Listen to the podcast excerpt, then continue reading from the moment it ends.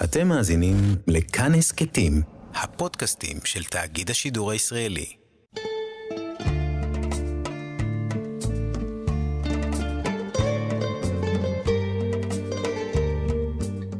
אתם מאזינים לתחנה מרכזית, סיפורה של המוזיקה הישראלית המזרחית.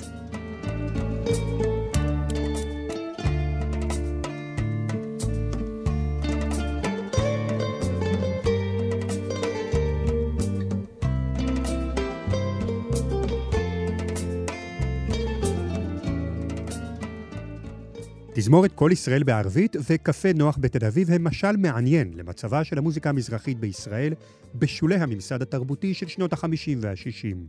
התזמורת, שפעלה במסגרת שידורי רשות השידור, נדחקה לשולי השידורים והתקיימה כגוף זר בתוך הגוף האחראי על השידור הציבורי. מצד אחד, התזמורת שימשה את יוצאי מדינות ערב שביקשו לשמוע את המוזיקה שגדלו עליה ואהבו אותה. מצד שני, היא לא זכתה לחיבוק אמיתי של הממסד התרבותי.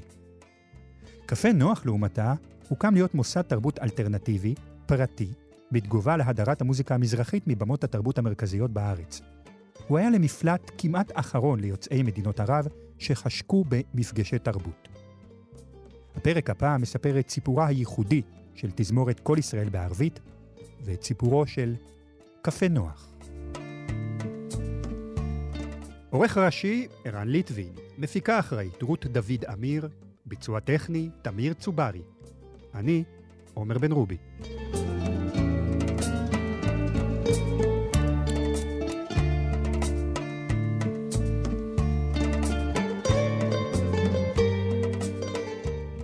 תזמורת כל ישראל בערבית שהוקמה ביוזמת נגן האוד עזרא אהרון קלטה אל בין שורותיה כמה מהחשובים במוזיקאים היהודים שעלו לארץ מארצות ערב. ניגנו בה בין השאר, שימו לב ותעשו כבוד לשמות הבאים.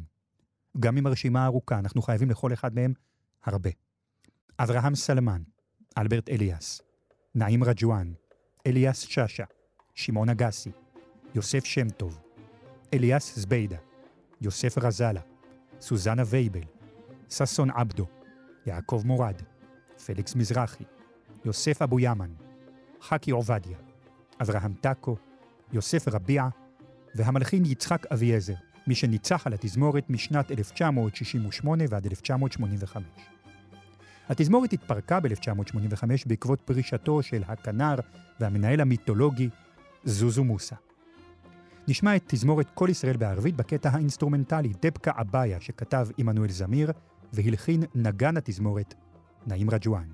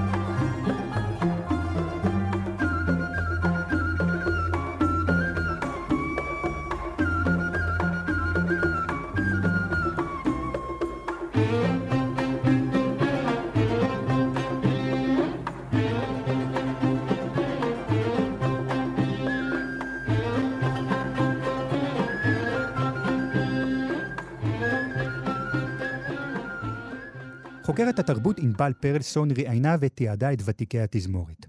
היא מתארת פגישה עמם בחדר החזרות באולפני כל ישראל בתל אביב, בכניסה אל ספירה מנותקת מן המרחב הישראלי. עם כניסתי לחדר החזרות כמו נגוזו המוסדות שהם ליבה של התרבות הישראלית.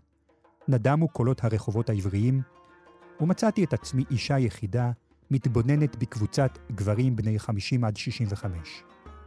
כל אחד אחז בידו כלי נגינה מזרחי, והם שוחחו זה עם זה בערבית. בהקשבה מרוכזת יותר, היה אפשר להבחין בדיאלקטים השונים של השפה שדוברו בחדר, עיראקית, מצרית, מרוקאית וערבית פלסטינית מקומית. המלחין והמנצח סמי אל-מוגרבי, שניהל כאורח את החזרה באותו יום, הסביר בכמה מילים מה הוא מבקש. ניגן את צלילי המקם הפותח בעוד שבידו, ובתוך פחות משלוש דקות ניגנה כל התזמורת את היצירה. בתוך רגעים, כותבת פרלסון, איבדתי לחלוטין את התחושה שאני נמצאת בלב-ליבה של התרבות הישראלית. נשמע את הזמרת פייזה רושדי בשיר "אני מאוהבת בירח".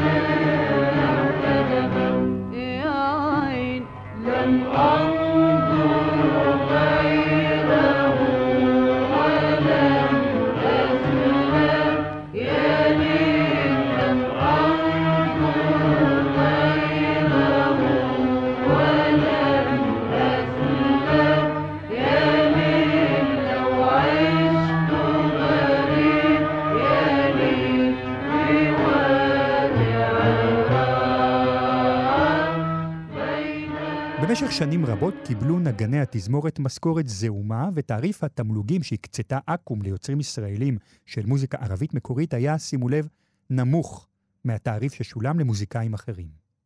זו הייתה תמונת מראה של הקונפליקט הסוציו-פוליטי שעתיד לתת את אותותיו בחברה הישראלית בשנים הבאות. אחד הנגנים המזוהים עם תזמורת כל ישראל בערבית הוא נגן הקנון אברהם סלמן. סלמן נולד בעיראק ב-1931 ועלה לישראל ב-1950 כשהוא כבר נגן בעל מוניטין שהספיק לנגן בתזמורת הרדיו המלכותי העיראקי.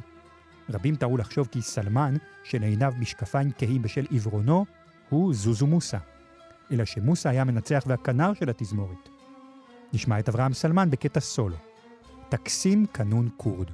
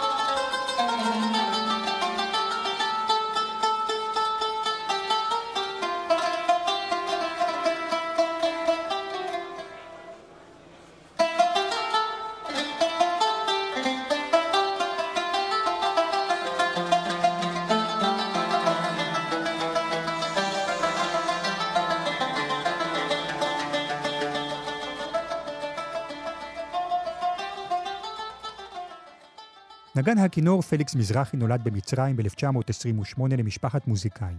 הוא החל ללמוד נגינה בכינור רק כשהיה בן 12 בעקבות מות אחיו הבכור, שהיה כנר.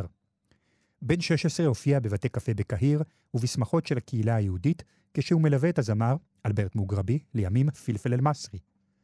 כעבור שנה הצטרף לזמר המוערך אליאס מועדב, ובעקבות החשיפה אף הופיע באחד מסרטיו של פריד אל-אטרש. מזרחי עלה לישראל ב-1950 והתפרנס מהופעות במועדון אריאנה ובקפה נוח. בסוף שנות ה-50 הצטרף לתזמורת רשות השידור בניהולו של זוזו מוסא, והיה לכנר הראשון בתזמורת עד פרישתו ב-1993. ב-1976 הרכיב תזמורת ערבית מובחרת, שעליה ניצח עד 1980 בתוכנית טלוויזיה בערוץ הראשון. בווירטואוזיות המוזיקלית שלו היה מזרחי חלוץ הכנרים ששילבו בין מזרח למערב, ואשר סללו את הדרך לאומנים רבים שרחשו כבוד לסגנונו המיוחד, ושאבו ממנו השראה. לאחר הפרישה מתפקידו בתזמורת הוא החל להקליט עם מיטב מוזיקאי ישראל. אפשר לשמוע אותו באלבומים של ברי סחרוף, מיכה שטרית, מירי מסיקה, שלמה ארצי, דיוויד ברוזה, שרית חדד, אייל גולן, זהבה בן, ציון גולן, יואב יצחק, וגם באלבומים נוספים של אחרים. נשמע את פליקס מזרחי בקלאסיקה, אינטה עומרי. כתב אחמד שפיק כמאל, והלחין עבד אל-והאב. במקור, כמובן, אום כולתום.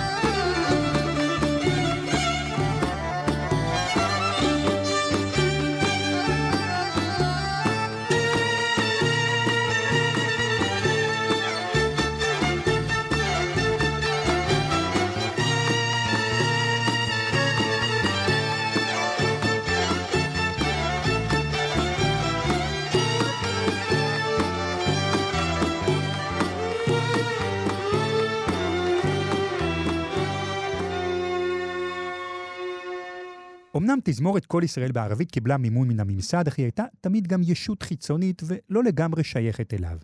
תחושת חוסר השייכות באה לידי ביטוי גם במעמד הנחות שהיה לנגני התזמורת ביחס לנגנים בתזמורות אחרות, למשל חברי תזמורת הבידור של כל ישראל. הם קיבלו משכורת זעומה ונאלצו לחפש עבודות נוספות, חלטורות, במסגרת חפלות ואירועים משפחתיים פרטיים, כדי להתפרנס. הנה נשמע ביצוע מיוחד של הזמרת פייזה רושטי עם תזמורת כל ישראל בערבית לשיר שכתב לוין קיפניס בלחן עממי, שיר הילדים הנצחי, חג פורים.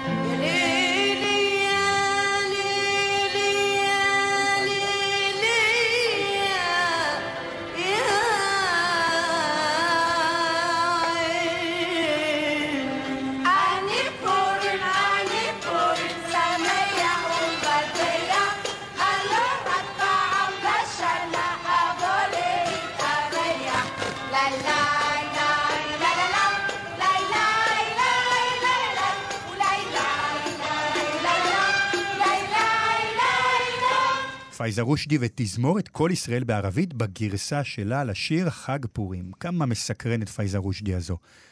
מרוב סקרנות, החלטנו לשתף בשיחה את סיגלית בנאי, קולנוענית, משוררת, חוקרת תרבות. שלום סיגלית. שלום רב. ברוכה הבאה. תודה רבה. טוב לפגוש אותך. זכות גדולה הייתה לך, כי את הספקת לצלם את פייזה רושדי בשנת 2002, שנה לפני שנפטרה. Mm-hmm. זה אשכרה כשאומרים הרגע האחרון, בדקה ה-90. נכון. אני עשיתי עליה סרט שנקרא אימא פייזה, שמתעד את היחסים שלה עם בתה יפה טוסיה כהן, שכבר עשתה עליה הצגה שנקראת אנה פייזה. הצגה שמאוד מאוד הצליחה ונגעה בלבבות של הרבה אנשים, רצה בכל הארץ במשך שנים וחשפה את הדמות הזאת של פייזה רושדי, הכוכבת הגדולה של התזמורת של כל ישראל בערבית, בניצוחו של זוזו מוסא, לקהל הרחב. ובסרט בעצם אני מפגישה אותן במציאות. בהצגה יפה משחקת אותה ואת אימא שלה, אבל אימא שלה מעולם לא ראתה את ההצגה עד שצילמנו את הסרט. ואז היא הפגישה את כל המוזיקאים האלה, היא כינסה אותם בבית האבות של האימא. אה, היא שרה איתם למול עיניה של אימא, שכבר הקול שלה, הגרון שלה, לא יכול לשיר כמו שהיא שרה. בת 80 פלוס כן, בצילומים. כן, כן, והיא יושבת בבית אבות קטן ברמת גן, והיא רואה ארכיון של עצמה בימי הזוהר, מוקפת במוזיקאים שאצלם, בגלל שזה לא הגרון, אז הם עדיין מנגנים, ובוכה, בוכה על העבר, על מה שהיה. אמ, כן, אז זה סרט בכי כזה. רק נאמר שהמוזיקאים האלה שאת מדברת עליהם, הם גיבורי הפרק הזה. זאת אומרת, אלה בדיוק האנשים שאנחנו אה, מדברים עליהם, מספרים עליהם ושומעים אותם גם לפני השיחה הזו, וגם עוד נשמע אחרי שהשיחה הזו איתך, אה, סיגלית, תסתיים. זה נכון שכאשר הרדיו הישראלי התחיל להשמיע את פייזה רושדי, הפסיקו להשמיע אותה בארצות ערב, או שזו אגדה? אז אני לא יודעת להגיד לך. אני שמעתי את הסיפור של פייזר רושדי כשלמדתי ערבית, ולשיעור ערבית נכנסה בחורה צעירה שדיברה ערבית מצרית, והמורה מיפו שאל אותה, אבל איך זה שהערבית שלך היא עם ניב מצרי? אז היא אמרה, מאימא שלי. אז הוא אמר לו, מה זאת אומרת, מי זאת אימא שלך? היא אמרה לו, פייזה רושדי. הוא אומר לו, מה? פייזה רושדי? אין מצב. אני גדלתי עליה, כי הייתי שומע את השירים שלה ברדיו, בכפר בגליל. לא יכול להיות שאת הבת של פייזה רושדי. אז היא אומרת לו, כן, אני הבת שלה.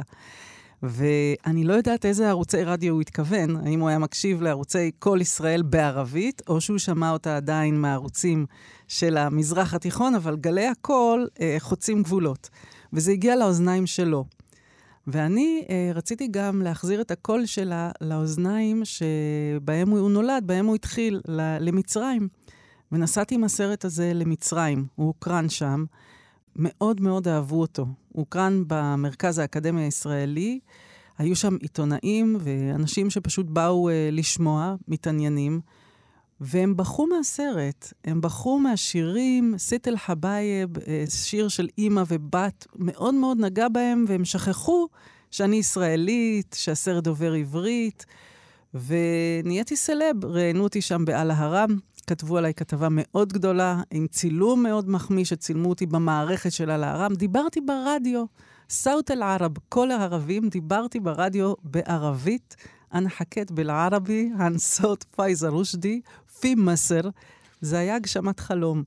אז הקול שלה חזר, והוא הדהד משהו בזיכרון. והם קיבלו אותו וחיבקו אותו באהבה. לא ראו בה בוגדת, ראו בה בנטל בלאד, מישהי משלנו. אני לא יודע איפה אה, בכיתי יותר בסרט, איפה היו לי יותר דמעות בעיניים, בשלושה מוקדים של בכי מבחינתי. מערכת היחסים הטעונה בין האם לביתה, ירידתה של המלכה הגדולה הזו מגדולתה, וסיום חייה בבית אבות אה, הסתדרותי משהו, mm-hmm. עם אה, כוס תה עם לימון שם במסדרון, או במפגש שלה עם אנשי התזמורת. כן. אני לא יודע איפה, איפה את בכית יותר. תראה, גם במהלך הצילומים, תאר לעצמך שלביים אה, סרט דוקומנטרי שיש בו גם בימוי של מציאות, זאת אומרת, המפגש הזה לא היה קורה, הם לא היו מגיעים לנגן בבית אבות, אלמלא הייתי אומרת, אנחנו עושים סצנה שבה אתם מנגנים בבית אבות קטן למלכה שלכם עם כלי הנגינה. ואז הם עצמם פוגשים את הקשישים שהם יכלו להיות, אלמלא הם היו מוזיקאים גדולים. וזה כבר היה מחמיר לב, כי אני חוללתי את זה. באותה מידה, אני זוכרת שאני בכיתי כשלקחתי את הבת שלה למועדון הוואנה, בתקווה. לא רחוק מאיפה שאני גרתי באותו זמן, אבל רחוק מאוד מהמקומות שיפה אה, הסתובבה בהם, כי הופיעה בהבימה עם ההצגה הזו, ופתאום אני, הבמאית, אומרת לה, עכשיו תעשי מונולוג מההצגה כאן בקפה הוואנה. כשעל הבמה מנגן הבן של יוסוף אל-עוואד, שדומה לו שתי טיפות מים, נגן אוד שאבא שלו בכלל לא הכיר בו, והכל, המציאות הפכה להיות סרט ערבי. עכשיו, לאורך כל הצילומים בכינו. והדבר המדהים הוא שגם במצרים בכו. זאת אומרת, היה משהו בפורמט של סרט ערבי, שזה אומר סיפור דרמה, קורע לב, שמשובץ בשירים עצובים שבוכים מהם. שפשוט התרחש גם במציאות, גם בסרט הדוקומנטרי, ואפילו הוא חזר למדינת ערב שהתרגשו מהסרט הזה. זאת אומרת, הסרט הוא סרט בבית. אנחנו בבית, במזרח התיכון. הבכי הזה הוא בכי של שייכות. הוא בכי אזורי, הוא לא בכי פרטי. וזה באמת אחד הדברים שהיו לי הכי הכי מרגשים בעשייה של הסרט. שלא לדבר על הזכות שהייתה לך אה, להכיר אישית את זוזו מוסא, ללוות אותו ולהיות איתו בקשר. ואת אישה צעירה. נכון. את לא מהדור ההוא. נכון, אבל יש לי איזה קיק לגברים לבנטינים בני 80, שהם אה, אלגנטים, והם מנשקים את היד והם פותחים דלת. וזוזו, היה לי איתו ממש ממש סיפור. זאת אומרת, אה, הוא מאוד אהב את העניין שאני הייתי במאית. וגם עם אשתו, שלא יהיה כאן איזה חשד למיטו, חלילה, זה היה הכל מאוד מאוד מעודן. אבל uh, לזוזו הייתה מכונית כזו uh, יפה, שהיו בה וילונות וכריות מרופדות, והוא היה בא לאסוף אותי, הוא היה מתקשר אליי, היה לו קול בס, ש... עומקים שאפילו ללאונרד כהן אין, והוא היה פשוט אומר לי, סיגלית, זה זוזו. אני לא יכולה לעשות את הבאס המהמם שלו. והוא היה אומר, אני מנגן הערב בחתונה מרוקאית באיזה אולם uh, שמחות, את רוצה לבוא? אמרתי לו, בטח. ואז הוא היה בא לאסוף אותי עם האוטו, והייתי יורדת ונכנסת למכונית הזאת, והוא פשוט היה מחליק איזה קלטת של uh, המוזיקאי האחרון מעיראק. אח... הייתה מלחמה עם עיראק, כאילו אין גבולות, אין גבולות, והוא משמיע לי. והוא שר, ואנחנו מחליקים בשקט באוטו שלו. ואני אומרת, וואו, זאת אומרת, הכוח של המוזיקה, ואין לה זמן. והוא מחזר אחריי. אנחנו בעצם באיזה עולם שהוא מנותק. אנחנו נעים בחלל, אבל אנחנו נעים בגלי הקול של הזמן. ואחר כך אני רואה אותו על הבמה, וזה לא ביזוי, זה זוזו מוסה, שהוא רב אומן, הוא מנגן מדהים, יש לו שם בלהקה דרבוקיסט ערבי, כנר פלסטיני, כאילו, והוא בכלל לא חושב שזה מהפכני, הוא חושב שזה מגניב, ושהוא עושה מוזיקה טובה. והסרט התיעודי הזה המשיך, זאת אומרת, הוא גם היה מזמין אותה לארוחות בוקר איתו ועם אשתו, והחלק שובר הלב בכל הרומן הזה, זה שאחרי שעשיתי את הסרט, הכרתי את מי שהפך להיות בן זוגי, הצלם מיכה שמחון, והוא עשה פורטרטורה, הוא צילם אותם בדיוקנאות מכוננים, בתערוכה, שנקראת מקאם.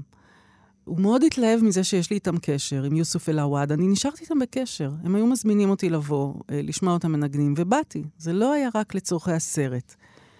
נעים רג'ואן, היינו אצלם בבית, אצלו ואצל אשתו, והוא היה מעמיד סט סטודיו, מצלם אותם. פשוט בזה אחר זה, בתקופה של שנה, שנתיים, הם הלכו לעולמם, ואנחנו היינו באים לניחום האבלים לשבעה עם הדיוקן, ממוסגר, עטוף, בנייר חום, ובאים לנחם את המשפחות.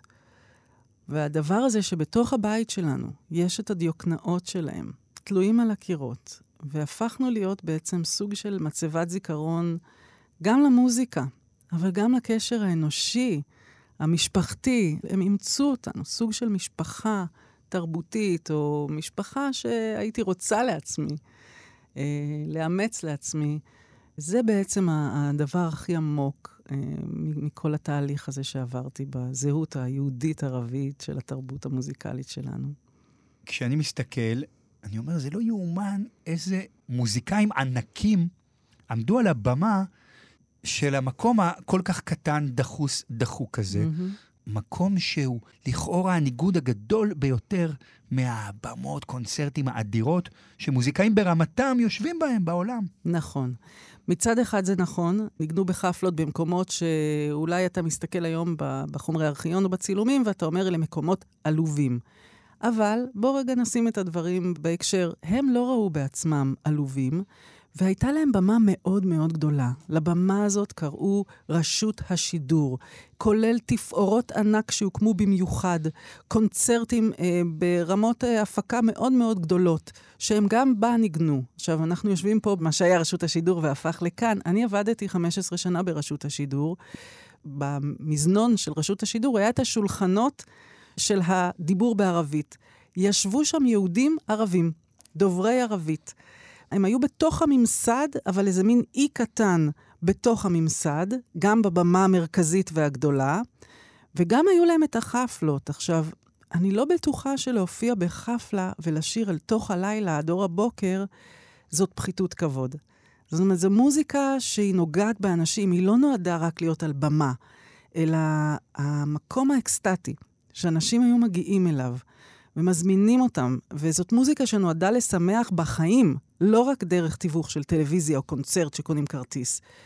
הוא מקום מאוד חזק עבורם, והם אהבו את זה. הם לא ראו בזה פחיתות כבוד. לכן גם כשאני עשיתי את הסרט, לא רציתי להכניס את הביקורת, איך זה ששמו אתכם במקומות כל כך עלובים, מחקו את התרבות.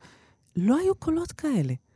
הם היו בעלי מקצוע מוכשרים שהמשיכו להתפרנס מהאומנות שלהם, גם בזקנתם, ואני כיבדתי אותם באופן שבו הם הרגישו שהם מכבדים את עצמם. היצירה שלך לאורך שנים עוסקת המון, אה, סיגלית, בערביות יהודית של הדור ההוא. למה? זאת שאלה מאוד טובה.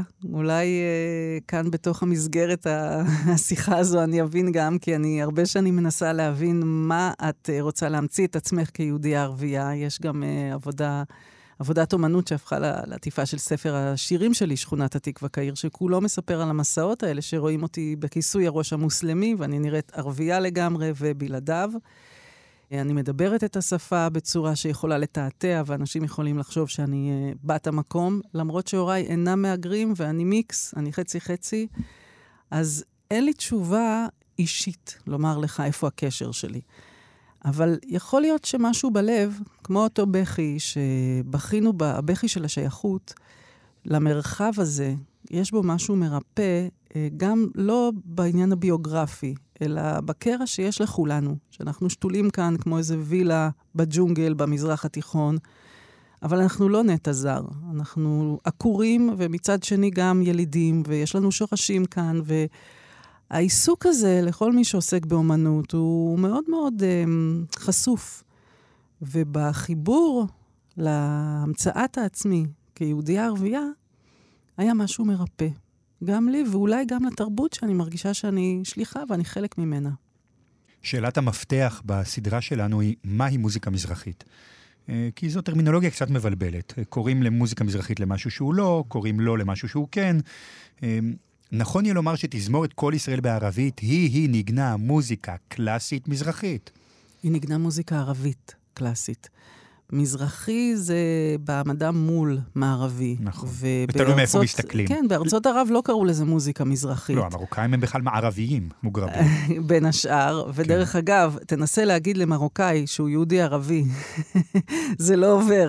זה, כל השיח הזה הוא מאוד מאוד uh, עדין ומאוד משתנה. היהודים במרוקו גם היו חלק מהקולוניאליזם, הם ראו בעצמם צרפתים ואירופאים, הם דיברו על הערבים, המשרתים הערבים שלהם, אותו דבר בקהיר. כך שגיליתי ככל ששמתי תיוגים, והייתי באה למוזיקאים האלה ואומרת, אתה יהודי ערבי, תגיד, מה את באה להעליב אותי? שצריך לתת ללב להקשיב. ולא לשכל לתייג. זאת אומרת, זה באמת ההבדל בין, נגיד, מחקר אקדמי שעשיתי על הנושא הזה, לבין יצירה אומנותית. אז עבורי זאת מוזיקה ערבית קלאסית, זאת מוזיקה. זאת מוזיקה גבוהה, מוזיקה קלאסית, אה, של אנשים שרואים את האומנות שלהם בצורה מאוד מאוד אה, מכובדת, והם לא הרגישו צורך שהם צריכים את הכותרות האלה. מי ממשיך דרכה של המוזיקה הזו בישראל של שנות האלפיים? התזמורות האנדלוסיות? את יודעת מה? הרוק הישראלי? שיש בו המון אה, פתיחות דווקא ברוק למזרחיות? כן, המוזיקה הזו אה, לא נמוגה, היא פעפעה פנימה. ויש לה עקבות גם בפופ של מה שנקרא היום מוזיקה ישראלית. היום אה, מה שפעם היה מוזיקת קסטות או מוזיקה מזרחית, היום זאת המוזיקה הכל ישראלית. זאת אומרת, אייל גולן אולי התחיל כמתויג כזמר מזרחי, היום הוא פופ. שרית חדד אותו דבר, אלה האנשים שאנחנו שומעים. הילדים שלי לא יודעים להבחין. אה, בין המזרחי או ישראלי, הם שרים... זה נכון, אבל אני רוצה בכל זאת להתעכב איתך על נקודה, כי אני באופן אישי מוצא דווקא בברי סחרוף, דודו טסה ואהוד בנאי, יותר ממשיכי דרכם של המוזיקה המזרחית הערבית הזו, מאשר בפופ הים תיכוני של אייל גולן, והחבורה המאוד פופולרית של המוזיקה הישראלית. זה גם וגם. אני גם, כמו שראית, אני לא נוטה להכניס לקופסאות ולהיררכיות. אני חושבת שמה שאתה מרגיש בלב, שזה גם מה שמדבר אליי, זה מה שמכונה במוזיקה הערבית טראב, שהוא סוג של אקסטזה שקשורה הרבה פעמים גם לעולם הדתי, לעולם של בית הכנסת. זאת לא מוזיקה שרק באה לבדר אותי, היא באה לגרום לי לבכות, או לגרום לי להתבונן בעצמי, או להתרגש, או להתחבר לעצב מאוד עמוק, וזה לא פופ. והמוזיקה הערבית של כל ישראל בערבית לא הייתה פופ.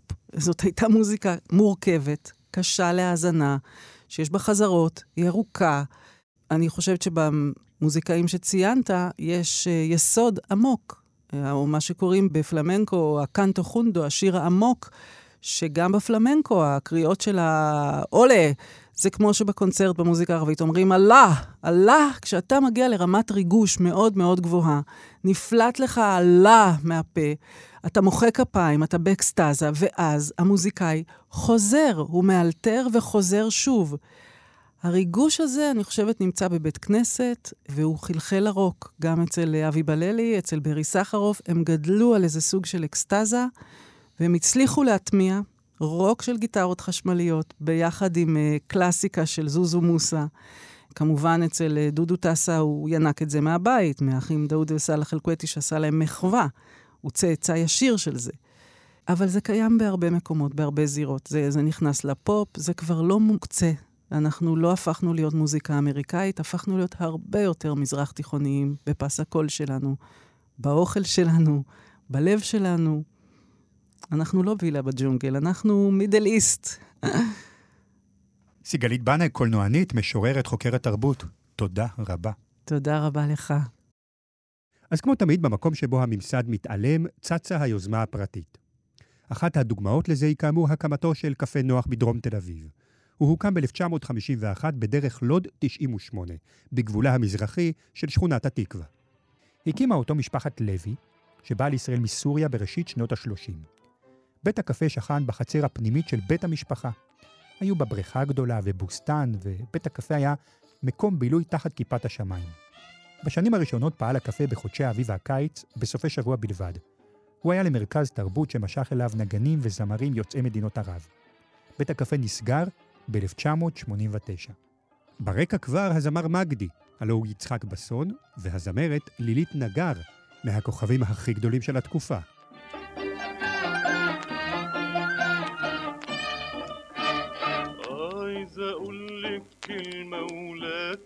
لكن إيه قولها لي اوام سر في قلبي حقوله لكن. لكن إيه؟ مستني كلام لكن. لكن لكن إيه؟ واللي عايزه تقوله ده إيه؟ عايز أقولك لازم أقولك. لا لا لا مش ممكن اقولك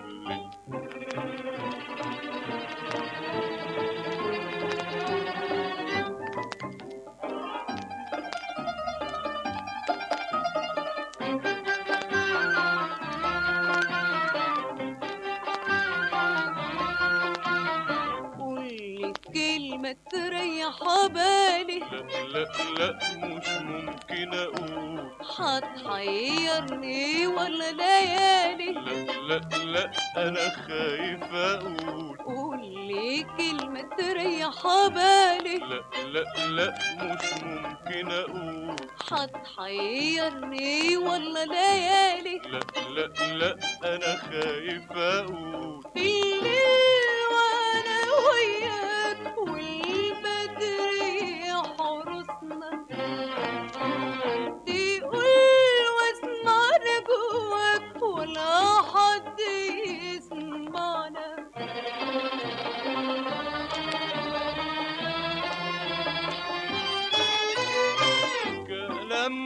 هجيبه منين؟ يوصف لك الأشواق.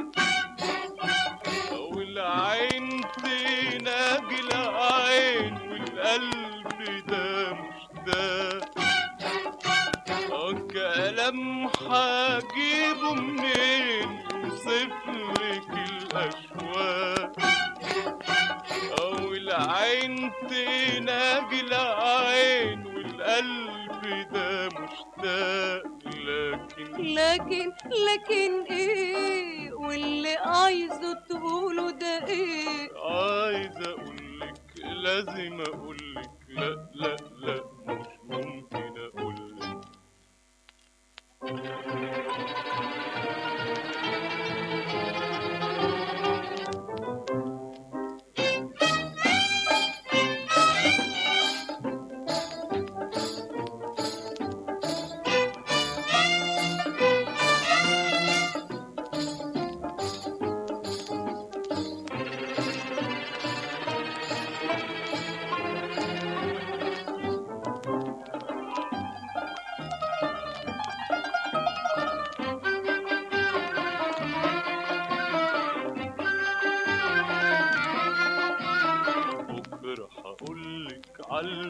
قلبي. على إيه بكرة وقولي اليوم. بكرة خلاص هشرح لك حبي. ما بلاش بكرة وقولي اليوم. بكرة هقولك علي في قلبي. على إيه بكرة وقولي اليوم. بكرة خلاص هشرح لك حبي. ما بلاش بكرة وقولي اليوم. بالليل وأنا سهران.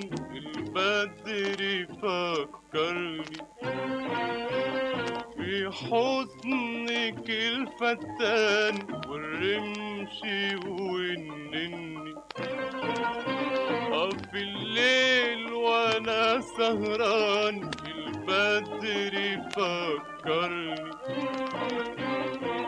في حزنك الفتان والرمش والنني.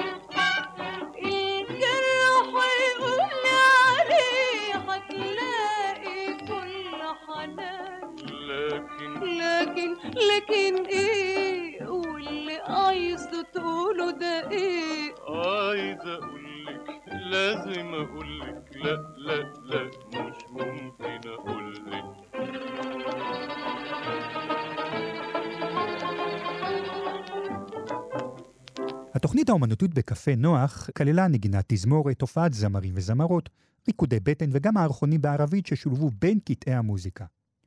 דיברנו על הקפה הזה כבר בפרק הקודם בהקשר של האחים אל-כווייתי. הרפרטואר נבנה מיצירות של מיטב מוזיקאי העולם הערבי. מוחמד עבד אל-והאב, פריד אל-אטרש, אום כולתום, לילה מורד ואחרים. הופיעו בקפה נוח ג'ו עמר, האחים אל-כווייתי כאמור, פלפל גורג'י, פלפל אל-מסרי, פייזה רושדי, משה מזרחי, משה אליהו ורבים נוספים. בלילה מוצלח בימי השיא של פעילותו, בשנות ה-50 וה-60, ישבו בקפה נוח, שימו לב, 500 אורחים. נשמע את הזמר יעקב מורד בשיר "כל זה למה היה?" בליווי תזמורת כל ישראל בערבית בניהולו המוזיקלי של זוזו מוסא. كل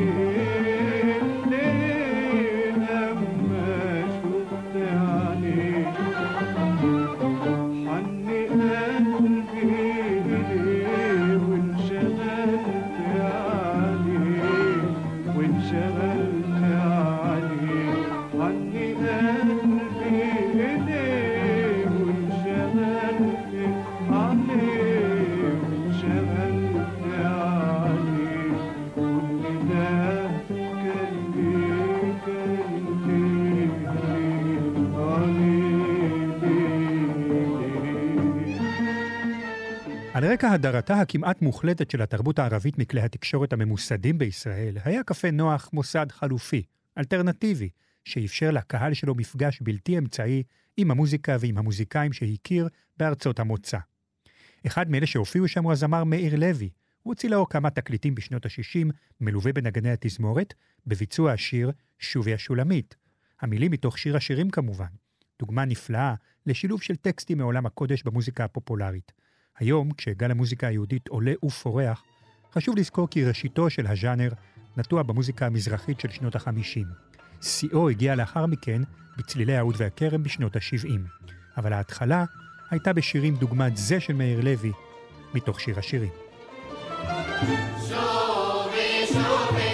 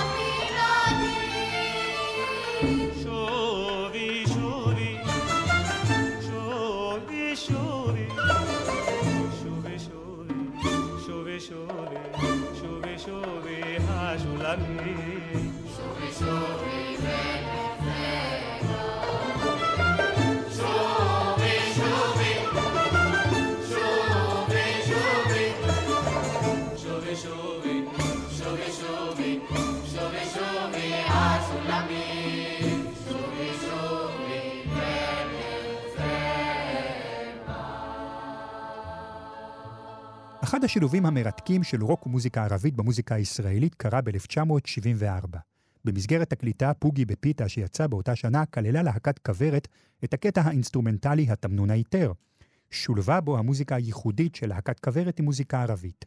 וכך, על במה אחת, ניגנו חברי כוורת, פופ ישראלי מערבי, יחד עם נגני התזמורת, בניצוחו של זוזו מוסה.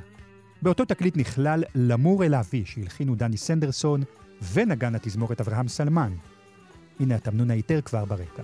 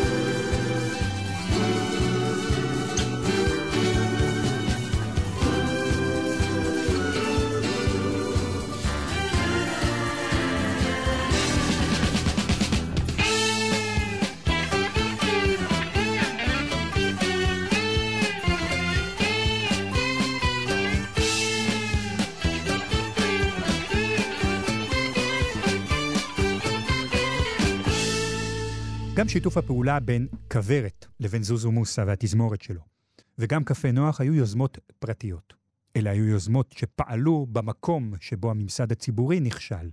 יוזמה כזו, דרמטית בהיקפה ובתרומתה לתרבות הישראלית בכלל והישראלית המזרחית בפרט, הייתה פעילותה של חברת התקליטים קוליפון, מיסודם של האחים אזולאי בכיכר השעון ביפו. לחברה הזו ולאומנים שהתפרסמו ופעלו באמצעותה ובאו לידי ביטוי דרכה, נקדיש את הפרק הבא.